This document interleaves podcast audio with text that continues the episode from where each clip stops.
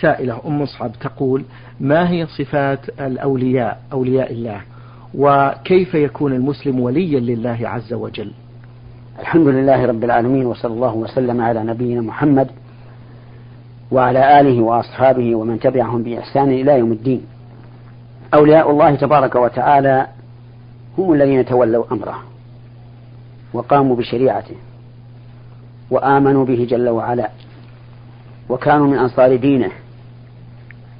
وقد بين الله ذلك في قوله ألا إن أولياء الله لا خوف عليهم ولا هم يحزنون الذين آمنوا وكانوا يتقون. فهؤلاء هم أولياء الله.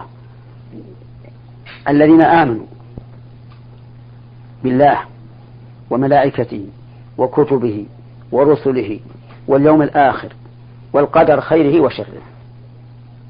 آمنوا إيمانا تاما ويقينا صادقا. وكانوا يتقون. يتقون معاصي الله.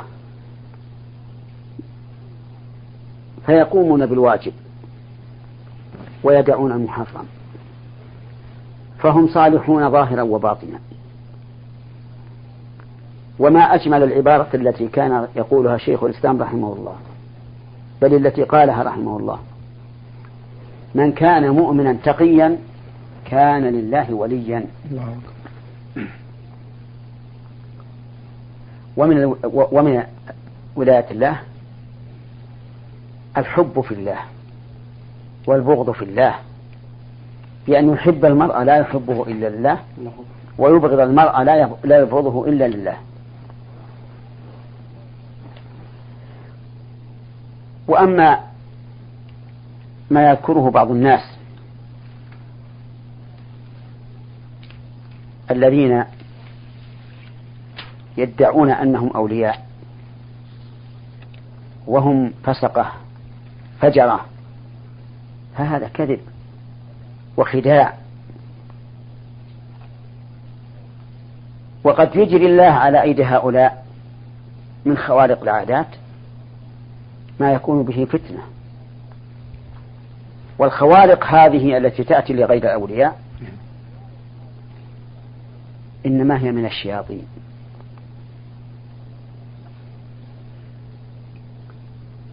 تأتي للمرء بأخبار الناس أو تحمله في الهواء أو ما أشبه ذلك ويقول هذا من ولاية الله. وكل من ادعى ولاية الله ودعا الناس إلى تعظيمه وتعظيمه وتبجيله فليس من أولياء الله.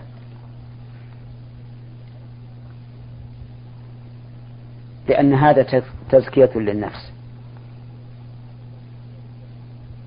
وإعجاب بها. وتزكية النفس من المحرمات.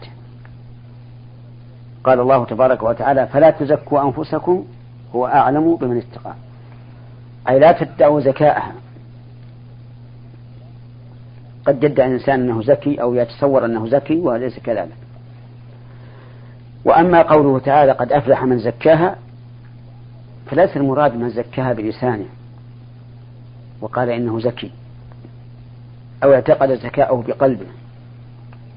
وإنما المراد بقوله تعالى قد أفلح من زكاها أي فعل ما به تزكو نفسه.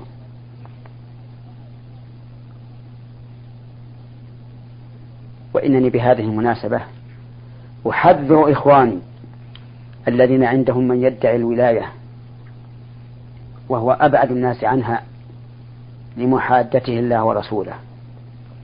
فليحذر إخواني من هؤلاء وأمثالهم أهل الشعبذة واللعب بعقول الناس. فإنهم لا ولاية لهم عند الله عز وجل. نعم أحسن الله إليكم وبارك فيكم من الأردن إربد هذا السائل يقول فضيلة الشيخ حفظكم الله أطلب منكم أيها الشيخ أن تضربوا لنا أمثلة من واقع الحياة المعاشة على البدع والتي قد لا نت... والتي قد لا نتوقع أن تكون بدعة مع التوضيح ما هي البدعة وما أضرارها على الأمة الإسلامية. الواقع أن هذا سؤال لا يمكن الإجابة عنه تفصيلا. نعم يا شيخ. لأن الإنسان ليس محيطا بكل شيء. لكن سأعطي السائل قاعدة. طيب يا شيخ.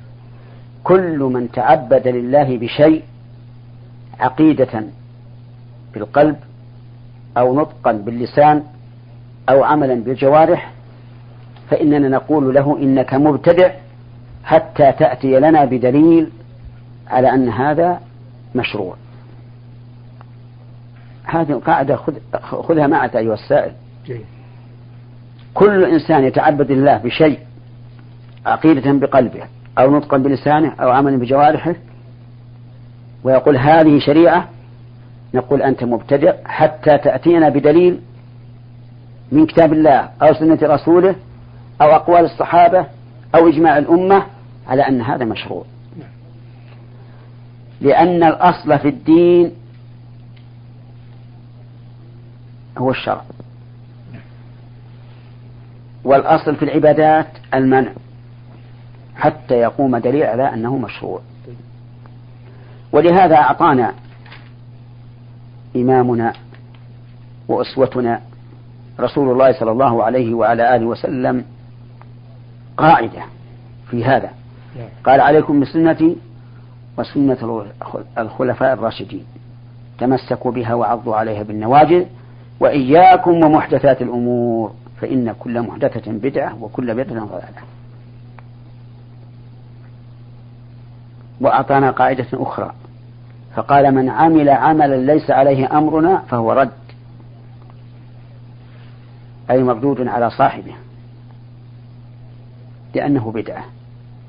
فإذا قال لك قائل من صلى على النبي صلى الله عليه وسلم في اليوم والليلة ألف صلاة كتب له كذا وكذا.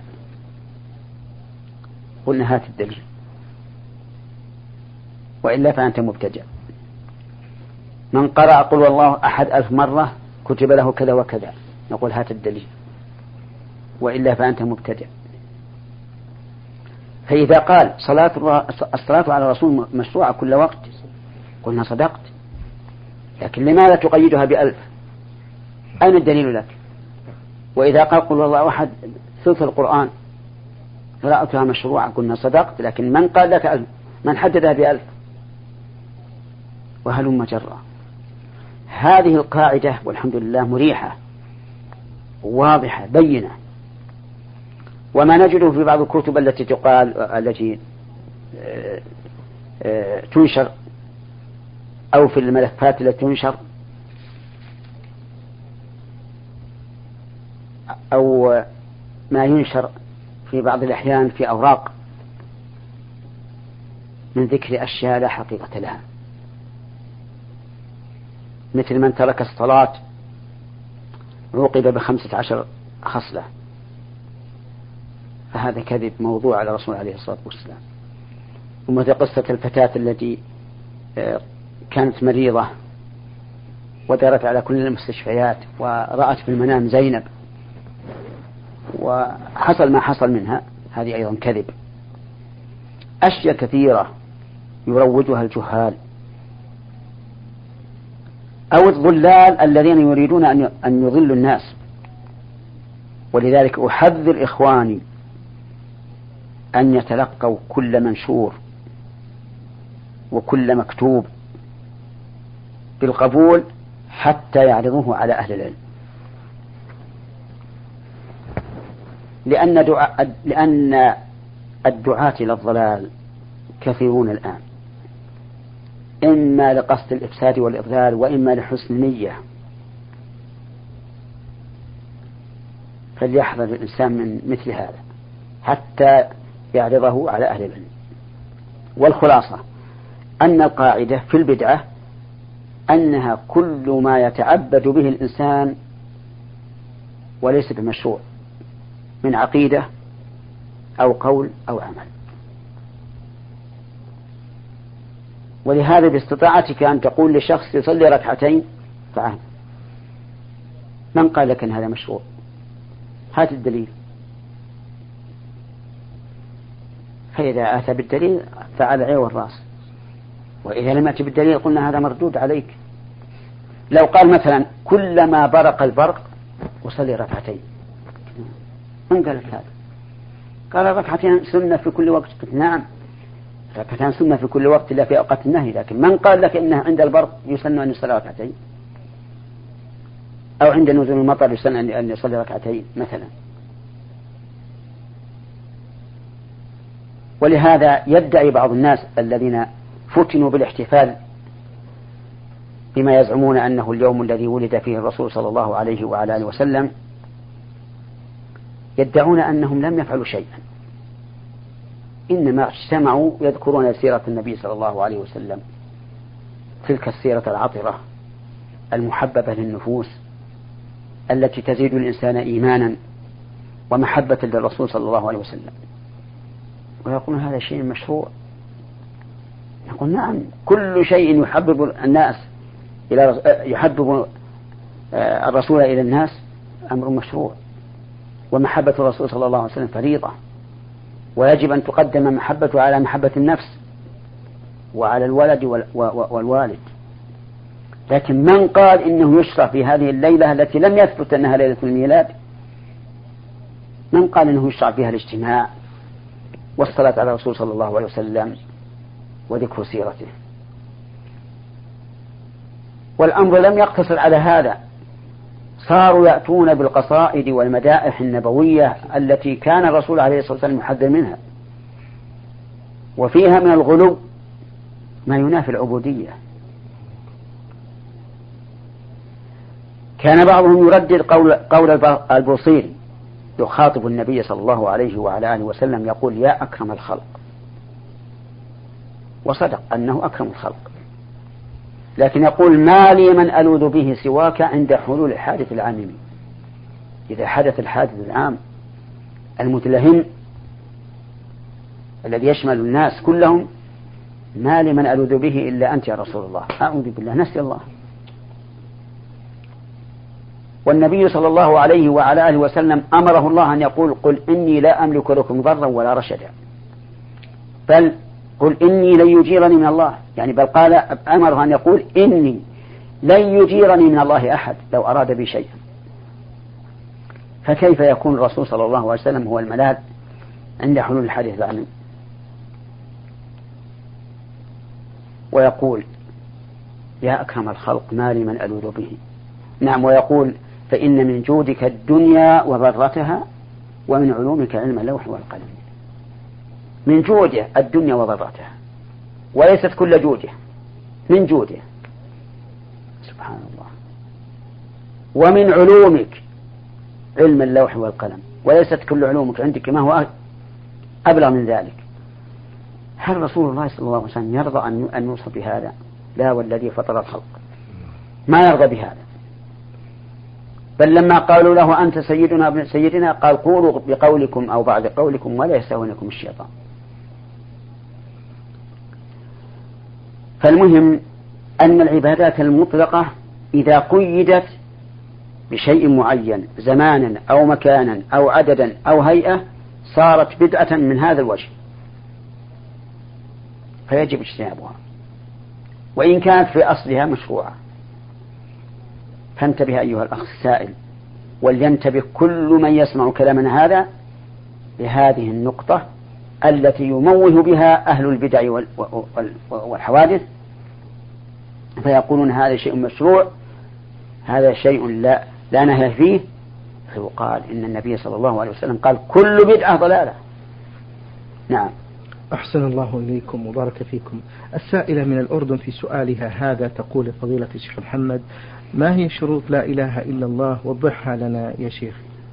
لا إله إلا الله يعني لا معبود حق إلا الله. يجب أن يشهد الإنسان ذلك أن يشهد الإنسان بذلك بقلبه ولسانه وجوارحه. فبقلبه يعتقد اعتقادا جازما أنه لا معبود حق إلا الله وأن جميع ما يعبد من دون الله فهو باطل. كما قال تعالى ذلك بأن الله هو الحق وأن ما يدعون من دونه هو الباطل وأن الله هو العلي الكبير. ثانيا أن يقول ذلك بلسانه ما دام قادرا على النطق.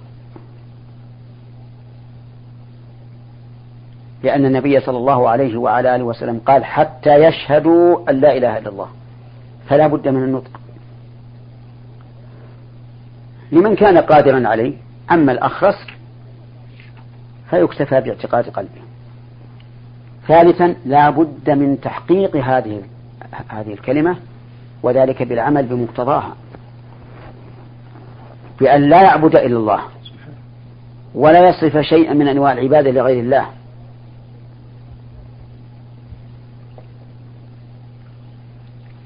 فمن أشرك بالله ولو شركا أصغر فإنه لم يحقق معنى قول لا إله إلا الله. ومن تابع غير الرسول عليه الصلاة والسلام مع مخالفته للرسول صلى الله عليه وعلى آله وسلم فإنه لم يحقق معنى لا إله إلا الله.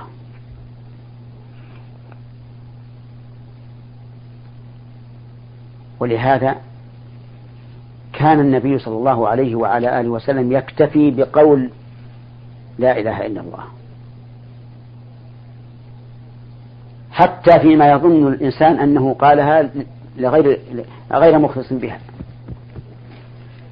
لحق أسامة بن زيد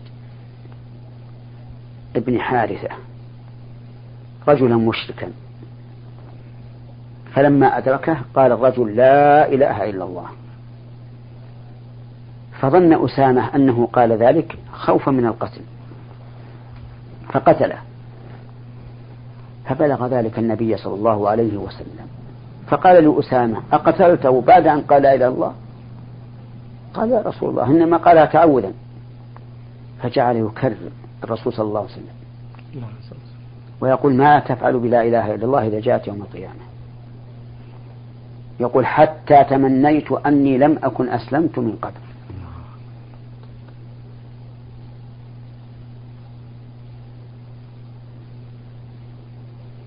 فلهذا نقول لابد من النطق بها باللسان والعمل بما بمقتضاها بالأركان والاعتقاد بمعناها ومدلولها في الجنان أي في القلب. نعم. أحسن الله إليكم وبارك فيكم. في آخر أسئلة هذه السائلة من الأردن تقول لفضيلة الشيخ هل يصح صلاة سنة الوضوء مع سنة الظهر القبلية أو سنة المغرب مثلا؟ نعم. سنة الوضوء أن الإنسان إذا توضأ وأسبغ الوضوء وصلى ركعتين نعم. لا يحدث فيهما نفسه غفر الله له ما تقدم من ذنبه فإذا صادف أن تكون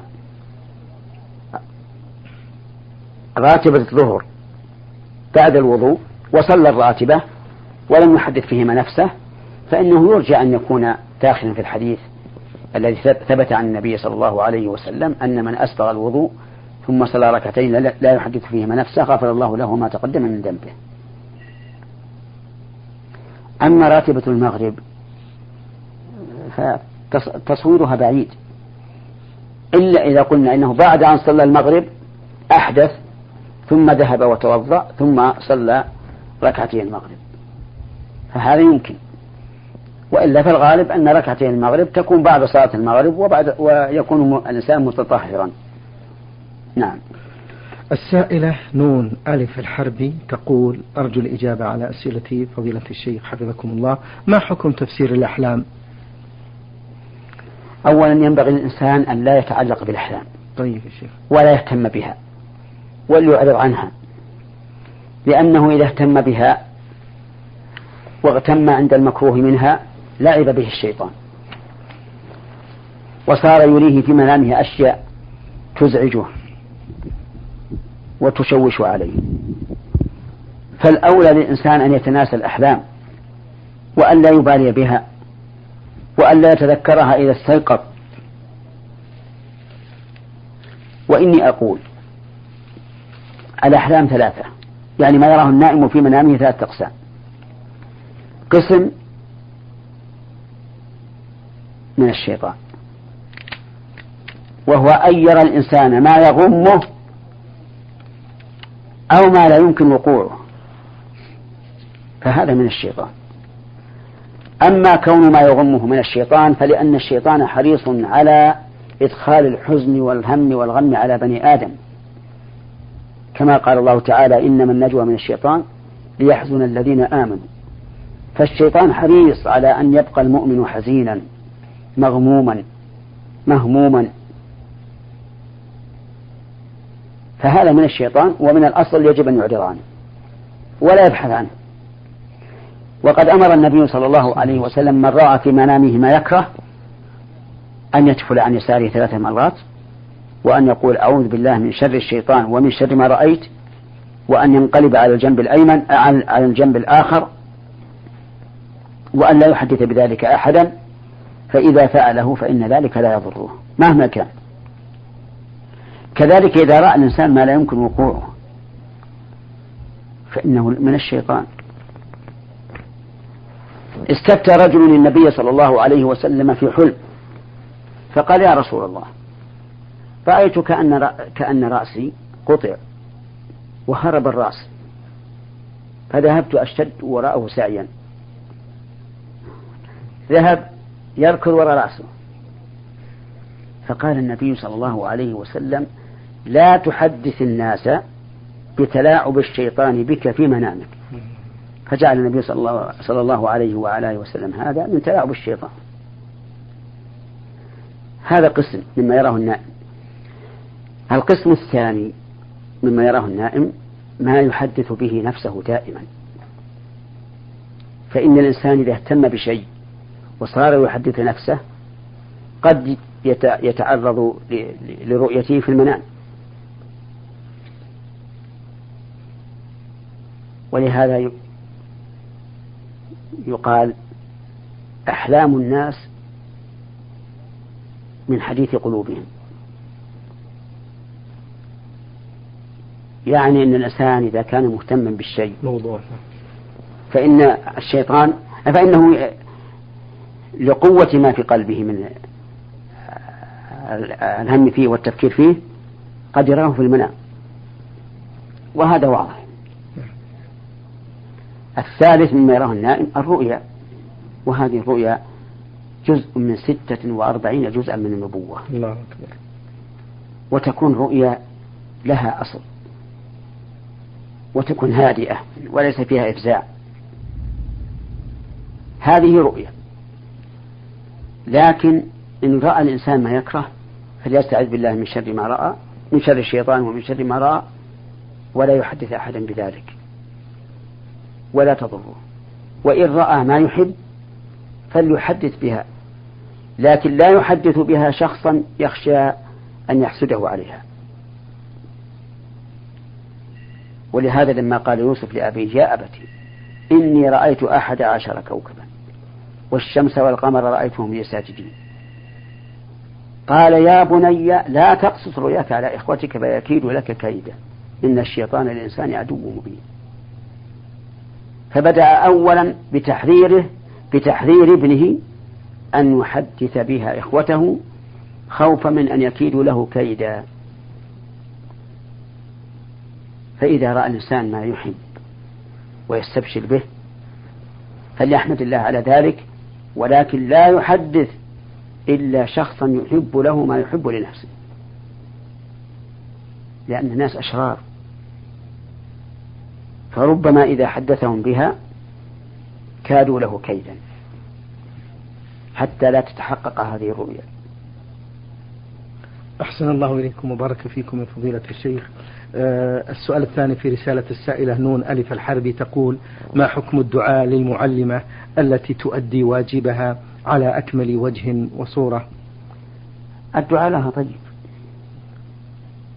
لأن هذه من المحسنات والدعاء للمحسنين من الأمور المطلوبة. لكن الدعاء لها مقابلة إن خشي منه فتنة بأن تزهو المعلم بنفسها أو تحابي هذه التي دعت لها فلا تدعو أمامها يكون دعاؤها لها وهي لا تسمع. نعم. حفظكم الله فضيلة الشيخ. هذا هذه سائلة للبرنامج آه، أم عبد الرحمن من المنطقة الجنوبية أبها. تقول أرجو من فضيلة الشيخ محمد أن يجيبني على أسئلتي السؤال الأول. ما حكم الاستماع إلى الأناشيد الإسلامية لكثرة ما سئل عنها ولكثرة أيضا ما وقع فيها من خلاف واختلاف من العامة مع العلم بأنها مجرد تقول أشعار إسلامية منها شعر الحماسة والتذكير بنهاية الإنسان إلى غير ذلك من المواضيع الهادفة. فنرجو التوضيح طلبا للفائدة فضيلة الشيخ. نعم. آه، الأناشيد التي التي هي مواعظ يذكر فيها حال الإنسان عند الموت وحال الإنسان بعد الدفن وحال يوم القيامة. الاستماع إليها مطلوب. وقد كان السلف الصالح يستمعون إليها. لأنها ترقق القلب وتدمع العين. وتخشع الجوارح وفيها فائدة. الأناشيد الحماسية التي تلقى بأصوات ليس فيها فتنة وليست مصحوبة بآلات له من دف أو غيره. لا بأس بها أيضا. لكن بشرط أن لا تشتمل على إثارة الشعوب على أولياء الأمور. فإن اشتملت على ذلك فلا يجوز الاستماع إليها. الثالث القسم الثالث من هذه الأنشطة الإسلامية ما يلقى على صفة إلقاء الأغاني الهزيلة السافلة أو يلقى مصحوب بالدف أو يلقى بأصوات جميلة فاتنة. فهذه لا يجوز الاستماع إليها. هذه ثلاثة أقسام من الأناشيد التي يقال عنها إنها أناشيد إسلامية. نعم. شكر الله لكم من فضيلة الشيخ وبارك الله فيكم وفي علمكم ونفع بكم المسلمين. أيها الإخوة المستمعون الكرام أجاب على أسئلتكم فضيلة الشيخ محمد بن